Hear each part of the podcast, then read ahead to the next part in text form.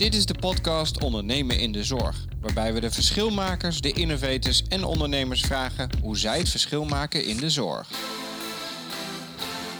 Ja, welkom weer bij een aflevering van de podcast Ondernemen in de Zorg. Ik ben Jetro Hardeman, eigenaar van innovatiestarters.nl en wij helpen zorgorganisaties bij het starten, initiëren en realiseren van vernieuwing in de gezondheidszorg. En vandaag zit voor me Ilse Schormans. Zij is tien jaar geleden begonnen als verpleegkundige, maar inmiddels founder en eigenaar van de Thuisleefgids. Haar carrière kenmerkt zich door de vele uiteenlopende opdrachten en functies in de zorg, met als rode draad het ondersteunen van thuiswonende senioren. Ik wil graag van haar weten hoe zij kansen weet te pakken en hoe ze haar idee tot een ware onderneming heeft uitgebouwd. Laten we starten. Ja, welkom Ilse op deze warme dag vandaag. Nou, dankjewel. Zeker. Prachtige dag. Ja, waar ik mee wil beginnen. Hoe was jij als kind? Hoe was ik als kind? Ja, dat is wel uh, een mooie vraag. Ook wel ondernemend. Um, ik kom niet per se uit een ondernemersfamilie, maar uh, als ik daar uh, met mijn ouders over praat, dan vertelt mijn, mijn moeder wel vaak een voorbeeld dat ik vroeger bij de hockeyvelden, als mijn ja. zus aan het hockeyen was, niet stil stond, maar altijd bezig was met alle mensen die daar ook aan, aan de zijlijn stonden. Ja. Om uh, vooral heel geïnteresseerd met mensen contact te maken en te kijken wie ze waren en waarom ze daar waren en wat ze allemaal deden. Dus een kleine netwerken eigenlijk? Nou, of? ja, eigenlijk wel. En jouw ouders, je zegt uh, die zijn niet ondernemend, maar wat, ja, wat, deden zij voor beroep? Niet zozeer dat ik echt uit een ondernemersfamilie uh, kom. Mijn vader is altijd conducteur geweest bij de Nederlandse spoorwegen.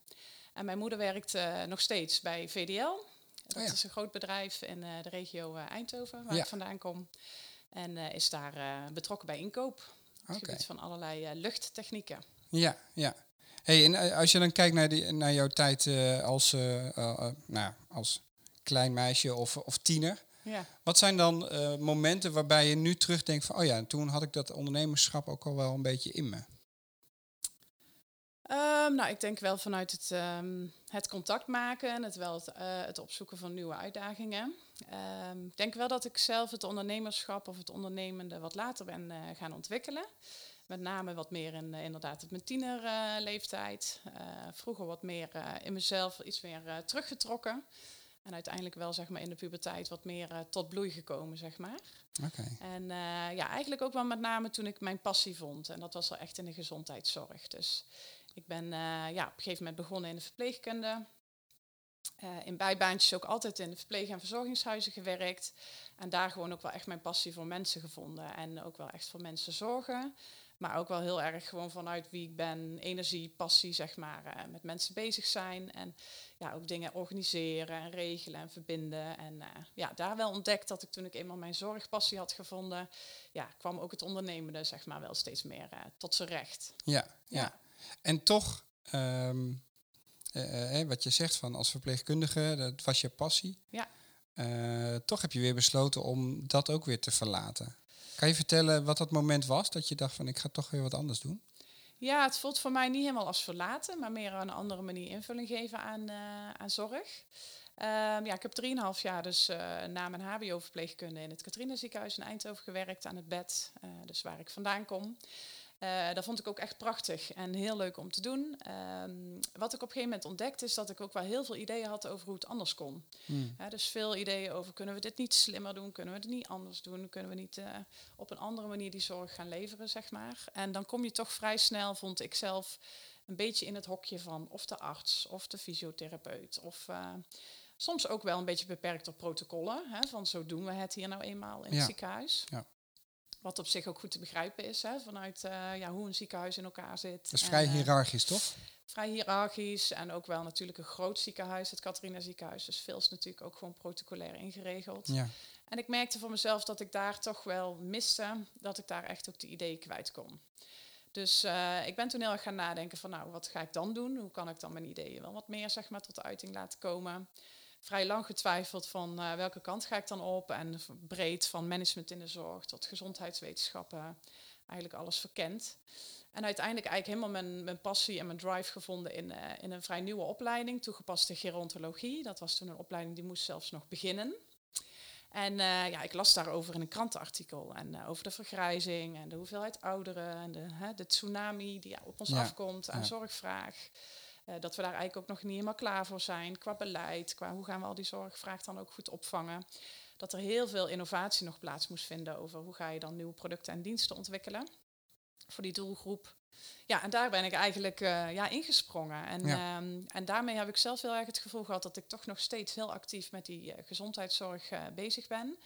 Maar niet meer zozeer uitvoerend aan het bed, maar veel meer kijk van ja, waar kan ik op een andere manier dan toch wel heel veel impact maken. Ja, en jij vertelde eh, dat je altijd al veel ideeën had. Ja. Ehm, maar was dat altijd al zo? Dus was je als kind ook al degene die altijd creatief bezig was met nieuwe dingen bedenken? Of is het echt pas later gekomen? Ja, ik denk dat ik wel, als ik terugkijk ook naar mijn schoolperiode, was ik wel vaak de voorzitter. Hè, dus dan was, trok ik eigenlijk als van nature wel een soort van leidende rol daarin eh, naar me toe. Heel vaak wel vanuit de enthousiasme van, oh, we kunnen dit, we kunnen dat. Hè. Dus die ideeën wel heel erg stromen. Ik hoor nu ook vaak van mensen dat ik wel een snelle denker ben, dat ik dingen heel snel visualiseer en voor me zie. Eh, dus dat, dat heeft er altijd wel, eh, wel in gezeten. En dus ook wel heel ondernemend als in gewoon op mensen afstappen, dingen gewoon doen. Ja. Soms een beetje impulsief, dat is de andere kant van het verhaal. Hè? ja, ja, ja. Al dan iets voor je zien en het gaan doen en achteraf denken, oh, dat was niet helemaal goed eh, doordacht misschien. Maar goed, dat Maar is dat nodig als ondernemer? Daar ben ik gelijk wel nieuwsgierig naar. Vind je dat het nodig is? Het, ge- het gewoon doen gehalte? Absoluut. Ik denk dat ehm, ondernemen vooral doen is. En wat ik heel erg merk is dat veel mensen er ook op een bepaalde manier misschien veel moeilijker over nadenken dan, eh, dan dat het is. Dat heb ik in ieder geval zelf ervaren. Het is wel eh, een reis die je aangaat, maar heel veel is ook wel gewoon doen. En het is natuurlijk best spannend om ook toch een beetje het veilige van een, een baan vinden en een vast salaris en weten waar je aan toe bent, ook financieel, om dat los te laten. Ja. Eh, maar ik heb zelf ervaren, ja, ik heb er maar niet te veel over nagedacht. Ik had een idee en een passie en ik ben begonnen. En ik denk dat dat uiteindelijk de kracht is van ondernemen. Dat je gewoon durft te geloven in je idee, dat uit durft te dragen, dat ook durft te delen. Ehm, en het gewoon doen. Ja, Ja, ja, ja. En ja, het is vallen en opstaan. Je leert natuurlijk een hele hoop. En eh, het is wel heel veel out of the box. Dat moet je natuurlijk wel liggen. Als je daar te veel ja, stress van ervaart, dan word je er misschien niet... eh, Ja, het is in die zin oncomfortabel. ja, ja. Maar wat ik mooi vind aan veel ondernemers die ik ook spreek, is dat ze zeggen, ja, je moet gewoon zorgen dat je ook de mensen weer om je heen verzamelt, die jou nou net kunnen helpen met dat stukje waar je zelf niet zo goed in bent. Ja, En als je dat kan regelen, dan is het gewoon een kwestie van een fijn netwerk hebben met een goede accountant of een goede jurist of een, goede adviseurs. En dan kom je eigenlijk altijd wel uit die vraagstukken, als je het maar aandurft te gaan en bespreekbaar durft te maken van, nou, ik weet even niet hoe ik dit aan moet pakken of, goh, hoe moet ik dit gaan organiseren? ja. Ja. Ja. Hey, en nog even terug naar die, die, die tijd van verpleegkundige. Hè? Eh, want er was dus een moment dat je besefte van, nou weet je, dit, dit is het niet meer. Maar wat, wat was dat dan? Ehm, nou, voor mij denk ik vooral, ik werkte ook op een, eh, op een afdeling kort verblijf. Dus we hadden best wel veel opnames op een dag. En er zat best wel veel tijdsdruk ook op, die je bij cliënten of patiënten kon besteden. Ehm, ik denk vooral dat, dat het op een gegeven moment ook voor mij wel was dat ik dacht, ja, het echte mooie aan de zorg vind ik ook wel echt tijd hebben en kunnen Ja. investeren. Er stond best wel veel druk op. Ehm, en het moment wel dat ik dacht, eh, goh, ik wil gewoon dingen op een andere manier kunnen doen, ook kunnen overbrengen, ook als verpleegkundige. Maar ik voel me gewoon soms een beetje met handen en voeten gebonden aan wat er ook binnen het ziekenhuis, binnen de afdeling eh, gebeurt. Eh, dat vond ik soms lastig, omdat je uiteindelijk ben je zelfs ook toch een soort visitekaartje naar de patiënt. Hè? Dus Ja. soms komt er even een mededeling vanuit een arts dat een operatie bijvoorbeeld wordt uitgesteld omdat er eh, spoed tussendoor komt. Ja, dan ben jij toch degene die de boodschap brengt. En mensen Ja. snappen het wel, maar ze worden soms wel boos of zijn teleurgesteld. En, en dat is soms lastig, want je bent dan toch in een positie dat je eigenlijk iets... Je zit ergens tussen. Ja, Ja. precies. Je moet iets iets doen moet waar je niet helemaal achter staat. Of, ja, ja. Klopt, ja. Ja. Dus, eh, ja, dus dat was voor mij wel meer een punt dat ik dacht, ja, eh, verder kijken van wat is er nog meer eh, mogelijk. Ja. En toen, toen ben je dus toegepaste gero, gero, nou kun jij het zeggen? Ik, eh, Ja, gerontologie. Ja, Gerontologie. het is een Ah, best... het is eigenlijk best makkelijk woord. Ja, ja, nou ja, het is, veel mensen denken dan dat het over dinosaurussen gaat. Ja, inderdaad, wel. Ja. Het klinkt wel een beetje in die hoek. Ja. Nee, dus je hebt de geriatrie, is natuurlijk een meer bekende term en gaat echt meer over hè, vaak eh, dementieel beeld of de Alzheimer's en eh, mensen die dus echt ook ouder worden met een bepaalde ziekte. Ehm, maar geron en gerontologie is eigenlijk de leer van het verouderen. Dus we worden allemaal ouder. Dat wil niet altijd met ziektes zijn. We gaan, worden gewoon überhaupt, we verouderen ook als mens. Het lichaam veroudert. en dat heeft allerlei impact. Ook op je sociale netwerk, op, eh, ja, op eigenlijk je behoeften in het leven en je wensen. Dus eh, het gaat eigenlijk ook over gezond ouder worden. Maar ook bijvoorbeeld over eh, dat we allemaal langer doorwerken. En wat doet dat dan?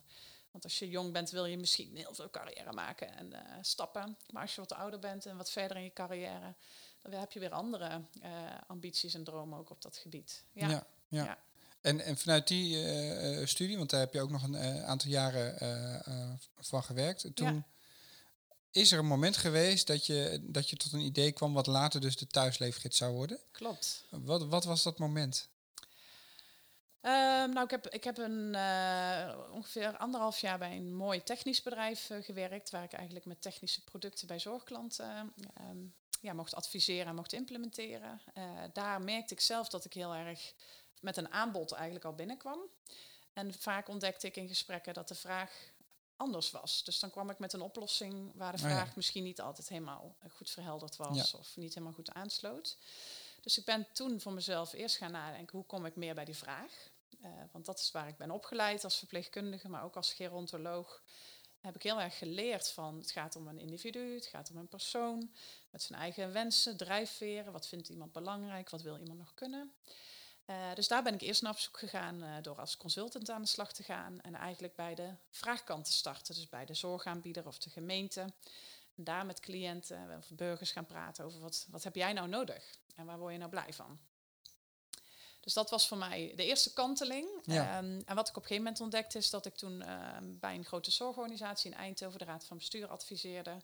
Ook daar weer grote projecten op het gebied van cameratoezicht en inzetten van technologieën in de, in de gebouwen plaatsvond. Uh, maar er kwamen eigenlijk steeds meer vragen uit de wijk. Dus de verpleegkundigen die steeds minder in de gebouwen, maar in de wijken bij mensen achter de verworder kwamen, ontdekten op een gegeven moment dat, ze, dat wij uh, ja, binnen de organisatie een zorgtechnoloog, zoals het daar heette, hadden. Dat was ik dus.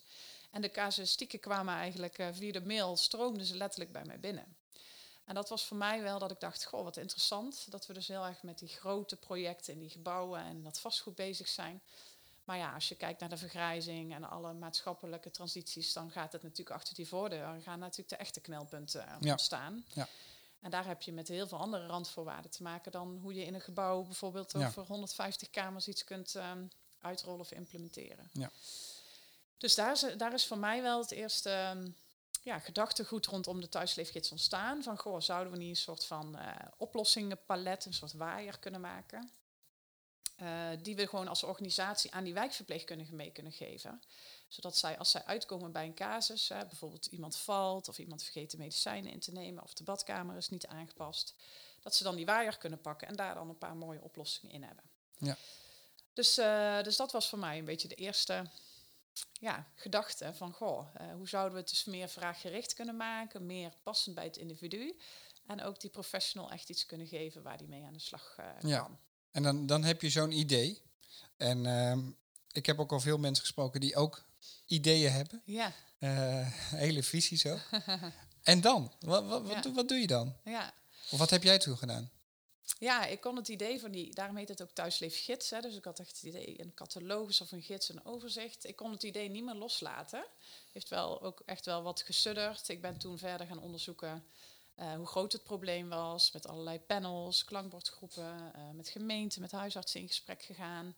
Uiteindelijk natuurlijk vooral met cliënten, met hun mantelzorgers en met zorgprofessionals ja, en toen gaan nadenken ook gewoon van, goh, ik zit met dit idee, uh, ook eens met vrienden en bekenden over gaan praten van, goh, waarom hebben we ook in allerlei markten grote platformen, uh, zoals uh, nou, thuisbezorgd voor, ja. voor maaltijden, we hebben eens voor de restaurantreviews, nou, de bol.coms, noem ze allemaal maar op. en waarom hebben we dat eigenlijk niet voor de gezondheidszorg? Hè? Daar hebben we gewoon alleen maar heel veel versnippering ja. en onduidelijkheid. Nou, daar waren heel veel mensen wel met mij eens, maar ja, goed. Ja. En dan, hè? Ja. Nou, heb je in ieder geval het probleem uh, afgecheckt. Hè? Het probleem is er en het is groot genoeg. Ja, ja. en een omvang ook wel hè, van nou, met die vergrijzing en de druk op de zorg en voor hoeveel mensen is dit dan een probleem. Um, ja, ik kwam toen eigenlijk zeg maar via het netwerken, wat ik al wel veel deed. Dus door Twitter. Uh, Twitter was toen nog helemaal uh, wat meer hot. Hè. Ja, nu hebben we tegenwoordig Clubhouse, maar toen was het Twitter. En veel ook daar gewoon wat gedachten te delen en te prikkelen. En zo ben ik eigenlijk in contact gekomen met een start-up investeerder. Ehm, daar een aantal gesprekken mee gevoerd en mijn idee uh, daar gepitcht. En die zei eigenlijk van nou, eh, volgens mij heb je er heel veel uh, over nagedacht, heb je er een goed beeld van. En heb je ook zeg maar, een goed idee over wat je zou willen doen. En ik, uh, ik wil er wel met je over doorpraten. Dus toen werd het van een idee in één keer van oké, okay, okay, ja. we moeten dus naar een soort van businessplan gaan werken. Ja. Canvas businessmodel in gaan vullen. en hoe zit dat dan allemaal? Ja. Hey, en wat zijn nou um, uh, hobbels die je bent tegengekomen in, in dat traject? Poeh, er zijn er best wel veel. Heb je even? Ja? nou, misschien voordat we daar dan... Um, uh, misschien eerst even uitle uh, uitleggen, wat is de thuisleefgids? Ja, de thuisleefgids is een platform gericht op consumenten. Um, en op professionals. En consumenten zijn eigenlijk voor ons cliënten of mensen met een ondersteunings- of een hulpvraag. En mantelzorgers, dus dat noemen wij dan de consument, die op zoek is online naar een oplossing voor een vraagstuk wat ze hebben. Um, en specifiek ook professionals. En eigenlijk omdat ik ook wel toen in die tijd zag dat die wijkverpleegkundigen en gemeenteambtenaren ook allemaal aan het zoeken waren. Dus dat is eigenlijk wat we doen bij Thuisleefgids. Wij proberen een onafhankelijke marktplaats te bieden, waar uh, men eigenlijk vanuit de wens, de vraag, de behoefte op zoek kan naar wat er allemaal past. Uh, om dat op te lossen. En ja. Daar, uh, ja, dat gaat goed. Daar hebben we inmiddels meer dan 100 aanbieders van producten en diensten die eigenlijk op de Thuisleefgids ja, in de etalage staan, zou je zo kunnen zeggen. Ja, ja. En, dat is dan voornamelijk voor ouder wordende mensen? Of? Ja, we, nu eigenlijk wel. Ook wel vanuit mijn achtergrond als gerontoloog. Maar we zien wel, zeg maar, uh, dat het eigenlijk veel breder gaat. Het gaat eigenlijk over iedereen die een ondersteuningsvraag heeft. En ja. dat kan ook iemand zijn die gevallen is of die tijdelijk eventjes krukken nodig heeft omdat het enkel uh, verzwikt is. Of iemand die zegt, nou, ik heb bijvoorbeeld uh, een andere aandoening of ALS of ik ben gewoon tijdelijk beperkt, maar ik wil ook zo lang mogelijk thuis gewoon mijn dingen zelf kunnen doen. Ja. Dus um, ja, het is wat ons betreft niet per definitie zo dat het voor ouderen is. Uh, we hebben, zijn daar wel mee begonnen vanuit mijn achtergrond en omdat dat een hele grote doelgroep is. Ja, ja. ja. ja dan komen we toch bij die hobbels. Wat zijn ja. de hobbels waar je echt van wakker hebt gelegen? Ja, wat ik, wat ik moeilijk vond en we ook wel ja, me wel eens over verbaasd heb, is over hoe sommige ja, onderdelen in de markt in elkaar zitten. Bijvoorbeeld de hulpmiddelenmarkt. Ik dacht dat ik dat redelijk goed uh, wist als verpleegkundige. Maar uh, ja, hoe dat echt allemaal in elkaar zit qua complexiteit. Rondom uh, wet en regelgeving bijvoorbeeld. Um, nou, ook wel grotere belangen in de markt van bijvoorbeeld bestaande partijen van grote leveranciers. Daar had ik eigenlijk als verpleegkundige nog niet echt weet van. Hm. Um, en daar heb ik me ook wel eens in verslikt, moet ik zeggen. Dat ja? als je dat dan in kaart gaat brengen, dat je dan toch wel, ja, je wel verslikt in, oh, er zijn ook wel hele grote partijen. En er zijn ook grote contracten met bijvoorbeeld gemeenten of zorgaanbieders. Um, waar wij heel erg vanuit de vraaggerichtheid willen werken. En eigenlijk zeggen, nou, het is geen aanbodgerichte markt, maar een vraaggerichte markt. Want uiteindelijk is die consument ja. degene die het hulpmiddel gaat gebruiken. Dus ik vond het eigenlijk heel logisch dat zij daar een stem in zouden ja. hebben. Uh, niet altijd wetende dat dat niet zo werkt. Dat het ook zo is dat een gemeente een aanbesteding doet en dat dat dan ook gewoon de partij is die de spullen bijvoorbeeld gaat leveren. Of dat er ook bijvoorbeeld bepaalde afspraken zijn uh, met een zorgaanbieder over welke partij daar dan de hulpmiddelen levert. Dus ja, dat is best wel een hobbel waarvan ik best wel heb moeten zoeken. Van als ik dan toch dicht bij mijn persoonlijke missie en de bedrijfsmissie en visie wil blijven, dat de keuzevrijheid voorop staat. En de keuze ligt dus bij de klant, want die is uiteindelijk de eindgebruiker. Ja, dan moet je dus ook wel goed gaan nadenken over wat je dan ja, in die markt precies kunt doen als je toch met dat soort partijen samen wil werken. Ja. ja. Zijn er momenten geweest dat je, dat je wilde opgeven? Uh, heel veel. Ja? Noem er eens één.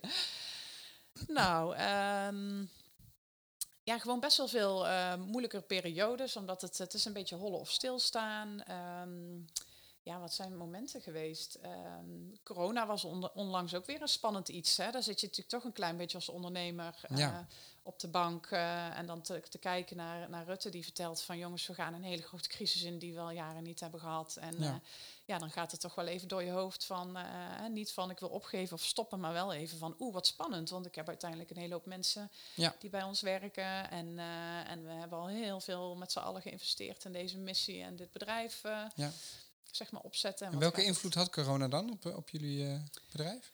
Nou, met name nog niet zozeer aan de consumentenmarkt, want dat is juist eigenlijk alleen maar toegenomen. Hè? Omdat je ziet ja. dat steeds meer mensen uh, natuurlijk niet naar opa of oma of pa of ma mochten, dus dat er meer uh, vraag was naar allerlei producten. Uh, maar meer ook dat wij heel veel samenwerken met gemeenten en zorgorganisaties. Uh, ja, en met name die laatste hadden natuurlijk wel even iets anders aan hun hoofd. Helemaal begrijpelijk. Maar dan dat ze met ons innovatieve, nieuwe, disruptieve projecten op aan het zetten zijn. Ja. Dus iedereen werd vanuit zeg maar, het innovatieproces bijna teruggeroepen in het primaire proces.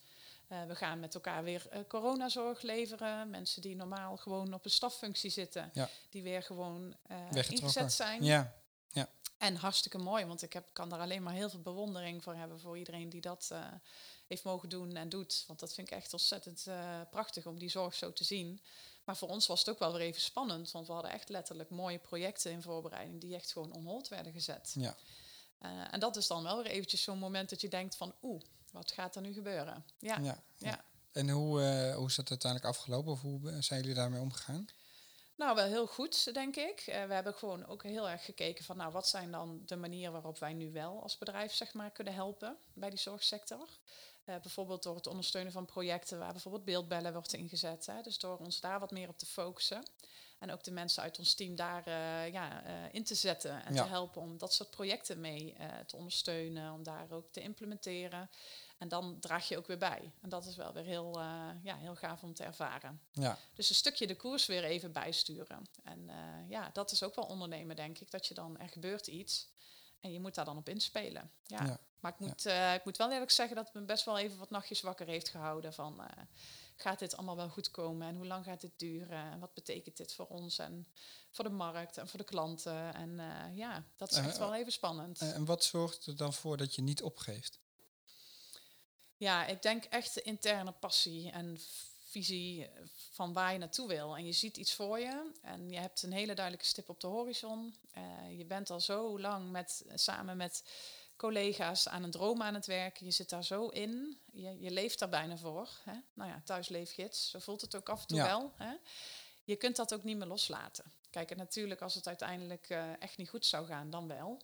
Maar ja, nee, je, je weet gewoon waar je, naartoe, waar je het voor doet. En dat houdt je echt, zeg maar, ja, wel eh, in de race. Ja, ja. En ook wel kwetsbaar op kunnen stellen hoor, naar eh, partijen, bespreekbaar maken hoe belangrijk sommige opdrachten op dat moment dan ook voor je bedrijf zijn. Eh, nou, dat is ook ondernemen, om gewoon daar open over te kunnen zijn. Ja, helpt dat? Ja, dat vind ik wel. Ja, Oké. ja.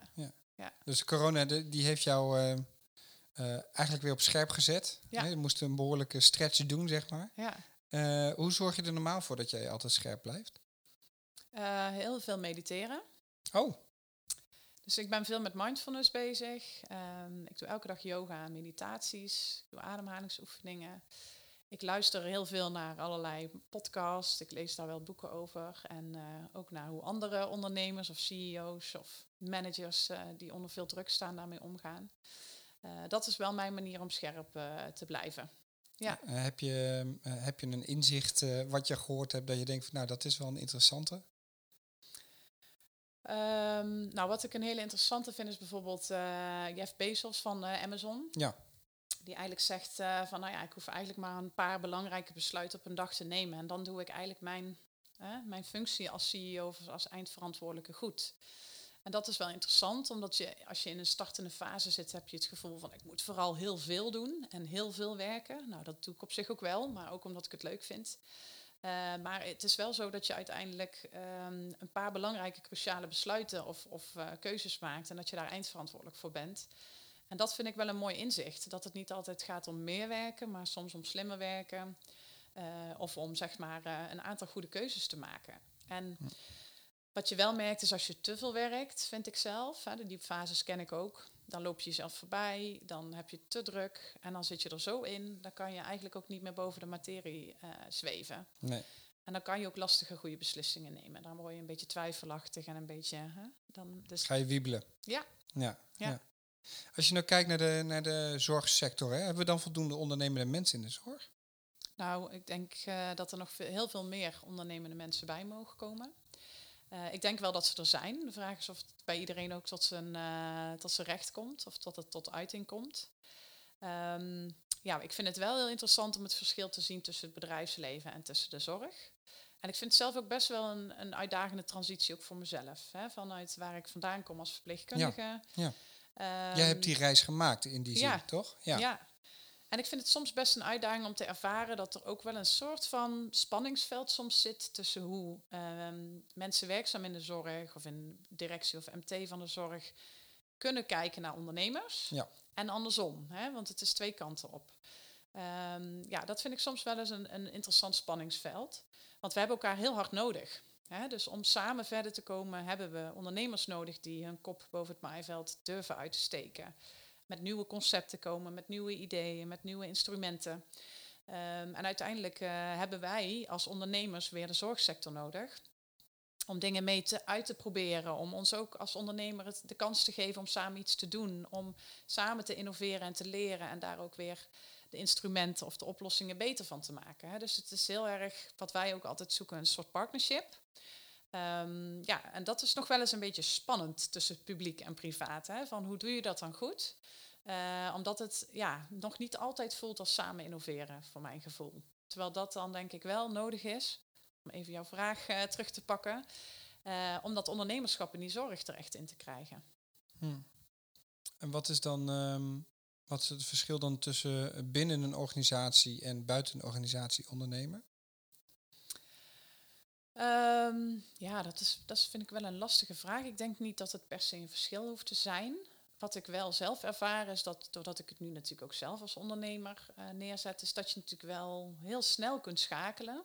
Je hebt heel veel invloed, je kunt heel veel zelf besluiten. Ik kan me voorstellen dat voor mensen die binnen een organisatie werken, um, vooral als het hele grote organisaties zijn, dat dat ook een ander tempo met zich meebrengt, dat je daar andere verantwoording hebt. Uh, ja. Je moet ook iedereen maar mee kunnen krijgen. Heb, heb, je ook veel fouten gemaakt?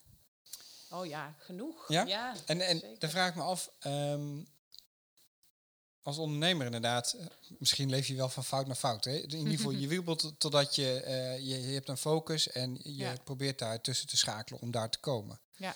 Um, is er voldoende ruimte eigenlijk binnen een organisatie om dat soort fouten, om, om dat soort leermomenten uh, te creëren? En bedoel je dan binnen onze organisatie of ook bij een zorg? Nee, binnen de zorgsector.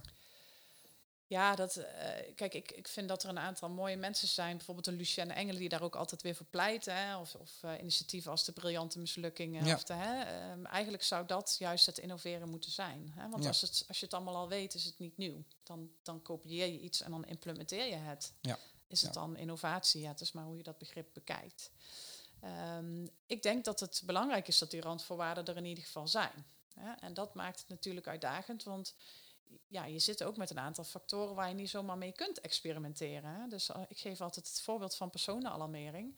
Ja, we kunnen niet met z'n allen zeggen, nou, we proberen maar wat af en we hopen maar dat het knopje het doet als mevrouw uh, valt en op de alarmknop duwt. Dan nee. moet hij het dus gewoon doen. Ja. Dus dan moet je na gaan denken over hoe kan je dan wel innoveren of experimenteren in een hele veilige ruimte, zonder dat er dan persoonlijke situaties aan vasthangen. Dus dat zijn denk ik wel de randvoorwaarden die je in de zorg nodig hebt om te innoveren en te experimenteren. Ja, en heb je het idee dat dat er voldoende is? Zijn organisaties voldoende in staat eigenlijk om, uh, en misschien niet per se innovatie, maar wel om die ondernemende mensen, die mensen die ideeën hebben, die misschien wel uh, de organisatie willen verbeteren, uh, binnen of buiten de organisatie, worden die dan voldoende gefaciliteerd? Ik denk dat dat veel meer zou mogen. Als je naar de toekomst kijkt. Um, ik ken ook wel verhalen van mensen die uiteindelijk zelf met heel veel passie en energie binnenkomen bij een zorgorganisatie, daar de wereld willen verbeteren, ja. maar toch een beetje opgebrand raken. Dat klinkt een beetje negatief misschien, maar er wel tegenaan lopen dat, dat het niet snel genoeg gaat, of dat ze steeds weerstand krijgen, of dat inderdaad niet alles qua randvoorwaarden op orde is om echt dat te kunnen doen. Ja. En dat zij dan toch weer weggaan uit de zorg. En dat vind ik wel heel jammer, want ja. uiteindelijk uh, denk ik juist dat we elkaar nodig hebben. Hè. Dus we hebben ook slimme product owners nodig en we hebben slimme developers nodig en we hebben allerlei slimme marketeers nodig die mee kunnen denken over hoe ziet dan de zorg van de toekomst eruit? Wat heeft die toekomstige ouderen nodig? Of die toekomstige persoon met een ondersteuningsvraag om fijn en gelukkig oud te worden? En hoe kunnen we dan die mantelzorg van de toekomst, die steeds meer onder druk komt te staan, hoe kunnen we die ondersteunen? Daar hebben we eigenlijk vanuit allerlei expertises hebben we daar mensen voor nodig. Uh, dan wel in de zorgsector werkzaam, dan wel bij bedrijven of bureaus die iets voor de zorgsector doen. Maar ja. dat is wel heel belangrijk. En het zou heel zonde zijn als we daar heel veel ja, verliezen zeg maar, aan competenties en aan energie. Omdat mensen misschien niet genoeg zeg maar, hun uh, ideeën kwijt kunnen. Ja. ja. Ja, En dat is ook wel, daar hadden we het net natuurlijk ook al over voor de uh, uitzending. Dat het ook een beetje de vraag is van, goh, wanneer is dat dan af of zo? Hè? Of, of hoe ja. zorg je dat organisaties dan ook klaar zijn voor uh, dat wat er komen gaat? Ja. Um, en dat het ook lastig is om dat als een soort zwart-wit concept neer te zetten. Ja. Wat, wat denk je dat er nodig is om organisaties daarin mee te helpen? Ja, ik zou vooral ook pleiten voor veel meer samenwerking. Hè. Dus wat ik heel vaak zeg en ook zie bij klanten waar we, waar we samenwerken, is aan de ene kant zijn, zijn het natuurlijk allemaal andere organisaties, maar de problemen en de vraagstukken zijn Zijn veelal hetzelfde. hetzelfde. Ja. Hè, dus het is natuurlijk heel mooi als je steeds meer op dat soort thema's je krachten kunt gaan bundelen. Ook voor bestuurders, ook voor managers. Eh, van goh, wat kunnen we dan van elkaar leren? Dus maak slim gebruik van elkaars kennis en expertise. En zorg juist dat je gezamenlijk aan innovatieagendas gaat werken waarbij je verder gaat komen. ja. En soms maken Maar er zit ook een stukje wrijving in, hè? Want eh, aan de ene kant inderdaad zeggen we, eh, weet je, de problemen zijn eigenlijk overal hetzelfde. Mhm. Daar ontstaan vaak ook samenwerking uit. Van laten we dan met elkaar optrekken, samen leren. Ja, In die end schuurt het volgens mij altijd op het punt dat elke organisatie dan toch zegt, ja, maar bij ons werkt het net even anders. Ja, ja, weet je, dit is wel heel leuk, maar we kunnen dit niet copy-pasten. ja. Ja. Hoe, hoe- ja, ik vraag me af of dat zo is. En je kunt natuurlijk niet altijd alles copy-pasten, maar ik denk je kunt volgens mij altijd een paar ingrediënten kun je hergebruiken. ja. Ehm, wat ik bijvoorbeeld heel jammer vind om te zien, hè, is, eh, daar hadden we het inderdaad net even over, bijvoorbeeld een voorbeeld als een financieel systeem of een boekhoudsysteem of een, ja. een HR-systeem. Ehm daar ga je ook niet elke keer als organisatie opnieuw uit zitten vinden. Daar neem je een partner voor in de arm waar je een goed gevoel bij hebt en die zich bewezen heeft, bij wijze van spreken. En daar ga je gewoon een systeem van afnemen wat je Ja. inricht naar gelang de behoeften van jouw organisatie. En dat zou je ook willen, dat dat op het gebied van innovatie zo gaat ontstaan. Eh, en dat je niet zeg maar daar elke keer het wiel met elkaar opnieuw uitvindt, maar ook daar iets inkoopt, wat Ja. je misschien nog wil modificeren naar aanleiding van jouw behoeften of specifiek voor jouw organisatie wil inrichten. Maar de basis zou je gewoon kunnen inkopen. Ja. En wat, wat ik vaak op het gebied van innovatie nog ontdek en zie, is dat ze eigenlijk altijd elke keer opnieuw iets gaan zitten bedenken. Eh, bijvoorbeeld een uitleenservice, ja. Ja. die is eigenlijk bij organisatie A, B, C, D grotendeels gelijk. Dus je hoeft eh, in mijn beleving niet allemaal zelf een heel systeem te gaan bouwen, maar koop dan een systeem in. En dat je dat nog modulair wat anders in wil richten voor jouw klantgroep of voor jouw professionals, dat, dat snap ik. En dat is denk ik ook mooi, hè? Maar Ja. zo zou je dus veel meer tempo met elkaar ook kunnen maken. Is dat ook een beetje goedkoop is duurkoop? Dus dat organisaties vaak ook vanwege kostenaspect denken, we ontwikkelen Ja. het wel zelf. Ja, en heel vaak te weinig in mijn beleving nadenken over hoe gaan we dit dan onderhouden. Ja. Het, in- hè, het neerzetten is maar het begin. Wat Ja. als het groeit? Wat als, het, als er bugs komen? Wat zijn nieuwe functionaliteiten die erbij moeten Ja. komen? Wat als we gehackt worden? Sommige dingen hebben met data te maken. Wat als de wifi-verbinding eruit ligt? Het begint vaak met een, met een kleine opdracht, maar dat is het begin. En dat hebben wij natuurlijk bij Thuisleefgids ook gezien. Ons platform is al zo vaak vernieuwd en, en verbeterd op basis van allerlei onderzoeken en testen.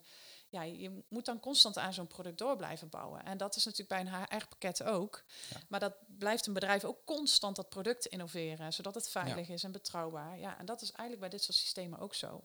Ja. En daar gaat hij denk ik vaak scheef. Hè? Dan hebben we een begroting van, oh, het kost dit om, om, om een abonnement of een licentie af te nemen. Maar als we het nou even zelf bouwen, hè, onze websitebouwer kan dit ook wel even maken. ja, dat is inderdaad vaak wat er, Ja. wat er gedacht wordt. En dat kan wel, maar dan daarna.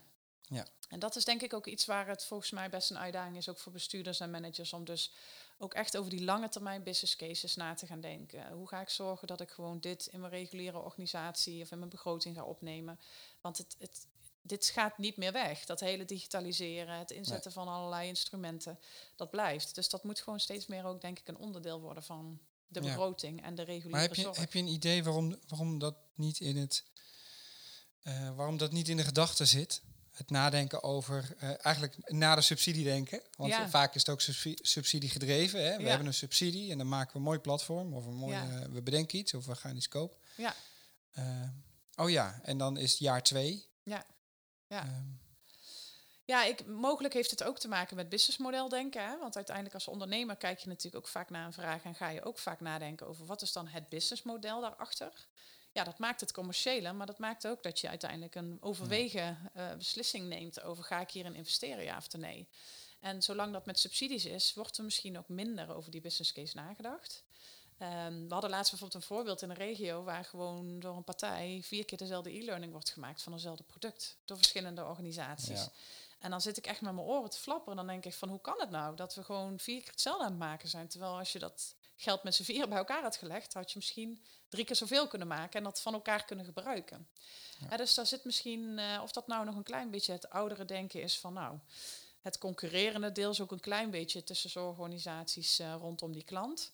Dat zou er misschien nog onder kunnen zitten. Of misschien minder echt vanuit dat businessmodel uh, denken van nou, ja. ik doe hier nu een investering, maar daar moet een business case onder zitten om dat uiteindelijk allemaal ook weer terug te verdienen. Ja, ja dat is uiteindelijk wel wat vaak belangrijk is. Ja, ja. ja ik, zeg, ik zeg ook vaak als het gaat om partijen die in de zorg werken, dat winst maken helemaal niet een vies woord hoeft te zijn. Want dat, dat heeft vaak dus ook te maken met duurzaamheid. Ja.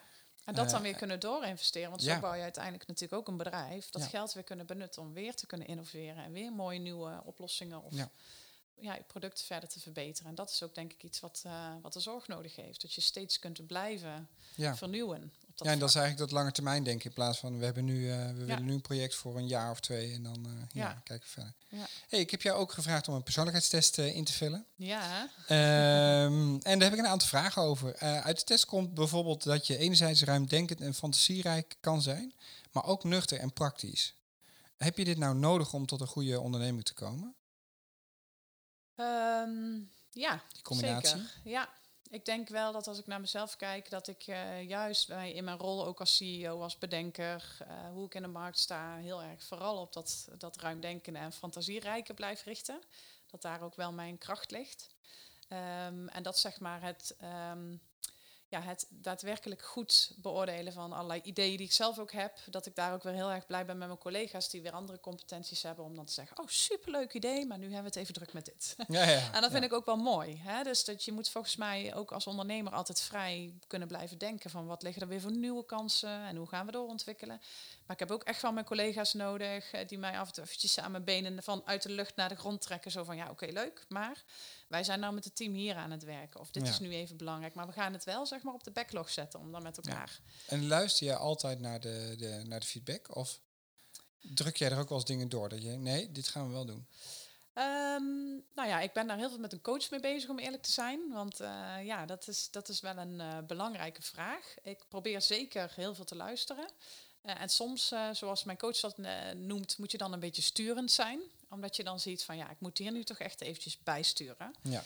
Uh, en dat probeer ik een hele goede balans uh, tussen te vinden. We zijn wel op het moment, ook wel onder leiding van een coach, heel erg bezig met uh, eigenaarschap. Omdat we wel zien dat als je als bedrijf groeit.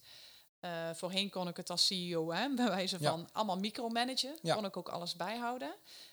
nu beginnen we te groeien en komen er steeds meer mensen binnen het bedrijf. En moet je op een gegeven moment dus ook dingen echt overdragen en echt loslaten.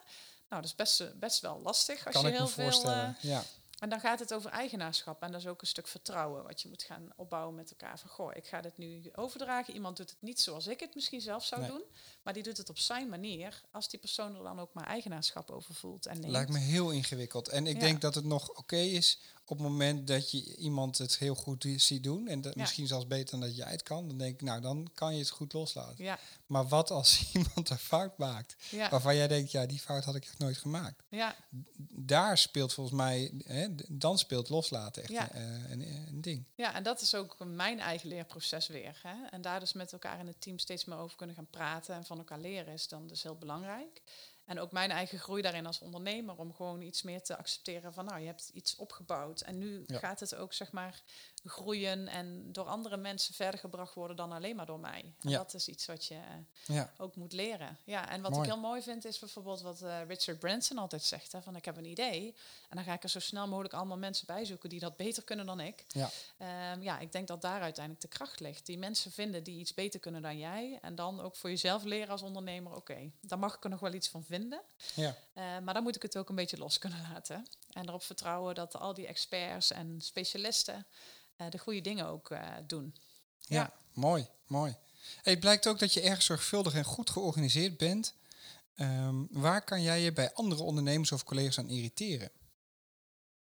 Oh ja, zorgvuldig herken ik wel, maar goed georganiseerd, zo voel ik me vaak helemaal nee? niet. dus dat is wel grappig. Um, waar kan ik me aan irriteren? Um, kan ik me echt ergens. Ik, ik hou zelf niet zoveel van opscheppen. Hmm. Ik, vind, ik ben soms misschien zelfs zelf wel wat meer bescheiden. Ik hou minder van mensen die heel erg met de, met de eer strijken of zeg maar zichzelf heel erg uh, op het podium zetten. En ik vind juist zeg maar samenwerken is uiteindelijk een team effort. En dat probeer ik ook steeds te doen. Hè? Ook door te zeggen van, nou, goh, ik wil ook mijn collega's zeg maar bedanken en in het licht zetten omdat zij de mooie dingen hebben gedaan. Ja. Ehm, ja, dus ik vind het, het is echt een team effort. Je hebt elkaar allemaal nodig en samen maak je zeg maar een, eh, ja, een team en, en ook een succes. ja. En, en kan dat altijd als CEO? Want dan sta je wel op het podium uiteindelijk, toch? Ja, zeker. Ja. Ehm, ja, kijk, soms moet je dingen doen die minder leuk zijn natuurlijk ook. Dat hoort er ook bij. En uiteindelijk probeer ik altijd te denken van, nou, wat is goed voor het bedrijf en voor iedereen die daar werkt. Uh, en daar probeer je elke keer naar te kijken als je zeg maar beslissingen neemt. En uh, ja, dat is uiteindelijk natuurlijk ook mijn rol. Hè, van Ja. uiteindelijk wil ik het bedrijf zeg maar uh, laten groeien naar de volgende fases brengen en stabiliseren. Ja, en dat, uh, daar komen ook bepaalde dingen bij kijken die soms minder leuk zijn. Als je maar heel goed voor jezelf altijd kan blijven aangeven of kunt delen ook in je team waarom dingen ehm, ja, besloten worden of dingen gebeuren. Al is dat soms wel lastig. Ja, dat uh, zeker. Ja. ja. Hey, je scoort ook heel hoog op extraversie. Uh, heb je dat nodig als CEO van een onderneming? Ik denk Of- dat het uiteindelijk ook afhankelijk is van hoe je het inricht. Hè? Want dus uiteindelijk is wat ik mooi leerde van onze agile coach, uh, een titel is ook maar een titel. En het gaat uiteindelijk over rollen. En wat voor rol neem je? Um, je kunt het zo invullen zoals je zelf wil. Ik denk dat het voor mij juist is dat ik daar mijn kracht heb liggen. Dus dat ik het meeste ook voor het bedrijf waard ben. Op het moment dat ik mijn verhaal kan vertellen, dat ik bij klanten kan zijn, uh, dat ik uh, mijn passie en energie ook kan overbrengen. Um, maar ja, je kunt ook een hele goede CEO zijn door wat minder extravert te zijn, maar bijvoorbeeld heel goed gericht te zijn op hoe krijg je alle mensen in het team optimaal in hun kracht. En ja. hoe zorg je dat iedereen heel goed gefaciliteerd wordt of heel goed samenwerkt bijvoorbeeld. Ja. Dus dat ligt denk ik ook heel erg aan uh, ja, hoe je het inricht. Ja, ja. ja. Nou, wat, wat ook naar voren komt is dat je heel erg meegaand bent en liever samenwerkt dan concurreert. Ja. Um, welke momenten uh, moest je je wel echt zakelijk opstellen? Um, nou, ik probeer zeker absoluut de samenwerking op te zoeken, omdat ik het ontzettend jammer zou vinden als in deze zorgmarkt, waar zoveel nog moet gebeuren, je elkaar gaat beconcurreren, vooral ook ondernemers onder elkaar, terwijl we juist alles nodig hebben om deze transitie uh, met elkaar door te gaan. Wanneer ik me wel eens zo zou moeten opstellen, is op het moment dat ik heel veel tijd in een potentiële samenwerking steek. Dat heb ik wel eens meegemaakt. Uh, ik ben ook altijd wel een vrij open boek. Een van mijn coaches zegt altijd, je moet niet je hele keuken openzetten, want je vertelt te veel. En ik denk dan altijd, ja, maar goed, uiteindelijk heb ik een visie en een passie. En vanuit daar werk ik en doe ik het. En als je dat niet kan delen uh, en mensen daar dan met je ideeën van doorgaan, ja, dan is dat zo. Ja. En dan wil nog niet zeggen dat zij er dan een succes van kunnen maken. Want er moet uiteindelijk toch een bepaalde beleving achter zitten. Ja. Dat is maar ook een manier van naar de wereld kijken, volgens mij, toch? Ja. Sommigen zullen, tenminste, ik herken dat, ik herken dat wel, hè. En sommigen noemen me soms naïef. Ja. Uh, terwijl ik dan denk van ja, maar dat is ook een keuze hoe ik ja. naar de wereld wil kijken. Ik wil kijken vanuit vertrouwen in plaats van vanuit Precies. inderdaad niet de keuken openzetten, wat misschien. Ja, ja. En natuurlijk is het wel eens frustrerend. Hè? Dus ik, ja. uh, ik moet me wel eens zakelijk opstellen als ik dan het idee heb, ik kom hier alleen maar brengen. En die ander komt echt ook alleen maar halen. Ja. Uh, wat mij soms stoort is bijvoorbeeld wel eens dat ik dan in samenwerkingen zie dat wij als onderneming leuke innovatieve dingen en dat we alles uitwerken en voorbereiden en Ja. offertes maken en neerleggen en dat een partij dan zegt, oh bedankt, we hebben hier nog een subsidiepotje, dan gaan we het wel even zelf doen. Ja, dat zijn dingen waarin ik dan op een gegeven moment me zakelijk kan opstellen en kan zeggen van, goh, ik wil best van alles komen doen en vertellen, maar ik wil ook graag met elkaar een afspraak maken over gaan wij samenwerken en zo ja, hoe dan? Ja, ja. Voordat ik hier weer mijn al het werk en hebben en houden op tafel leg. Dus dat zijn wel dingen die je ook wel leert. Ja. Uh, ja, door je neus een paar keer te stoten. Ja. Ja. precies. Daar leer je vaak het beste van. ja, Ja. ja. absoluut. Ja. Eh, je bent niet snel van slag, blijkt uit de test. Ehm, welke situatie geef je wel slapeloze nachten?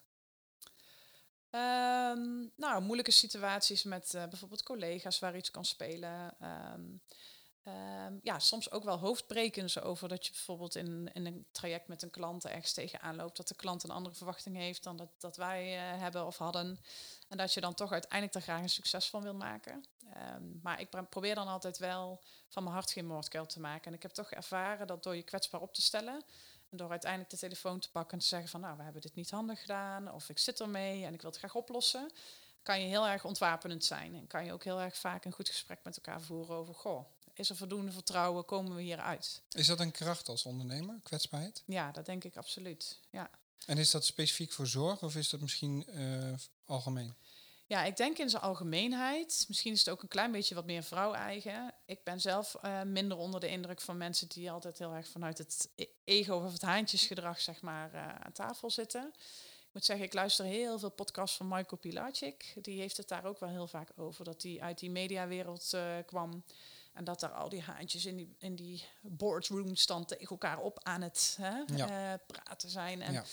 En dat door juist heel goed te luisteren en af en toe wat ontwapenends te zeggen, of juist heel erg om te draaien te zeggen van, oh, ik weet het eigenlijk niet. Of ik weet niet hoe we dit op moeten ja, lossen. Doorbreek je ook een bepaalde ja. cultuur. En maak je het ook wat zachter. En ik denk dat dat dan ook in de zorg dan wel nodig is. Want we moeten denk ik niet willen doen alsof het allemaal, allemaal weten, want dan was het er al. Hè? Dus we hebben juist samen het gesprek nodig over, we hebben een enorme uitdaging met vergrijzing, toenemende druk op de zorg en daarmee ook de kosten. Met een enorm tekort aan mantelzorgers en overbelaste uh, mantelzorgers, uh, voorzieningen die onder druk staan.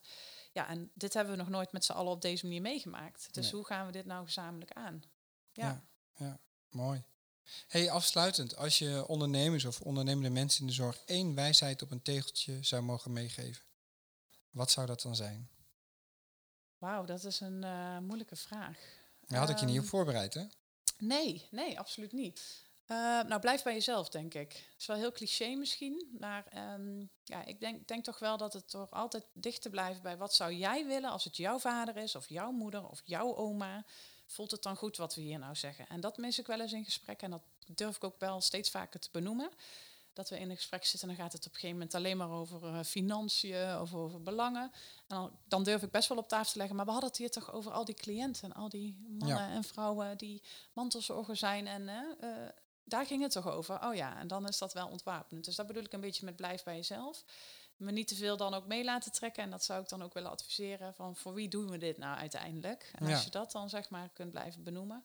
En je kan jezelf dan in de spiegel aankijken en denkt van nou, ik ben trots op wat ik doe, wat wij doen en waar we voor staan. Ja, volgens mij is dat het mooiste wat je kan doen. Ja, ja inderdaad. Als iemand nou meer wil weten over jou of uh, je bedrijf, uh, hoe kunnen ze dan contact opnemen met jou? Uh, ze kunnen mij vinden op LinkedIn. Uh, daar staan ook mijn telefoonnummer en mijn e-mailadres op. Dus uh, ja, uh, ik ben heel open en benaderbaar wat dat betreft. Dus ja, graag. Oké, okay, nou hartstikke bedankt. Ja, super, dankjewel. Ja, dank jullie wel voor het luisteren. Wil je de vorige aflevering terugluisteren, dan kan dat via Soundcloud, iTunes of Spotify. Heb je een vraag, tip of verzoek? Stuur me dan een mailtje naar info.innovatiestarters.nl. En vind je deze podcast interessant? Laat het dan weten via sterretjes, duimpjes of reviews. En deel deze podcast met jouw collega's. Want alleen samen kunnen we de zorg slimmer, beter en vooral leuker maken.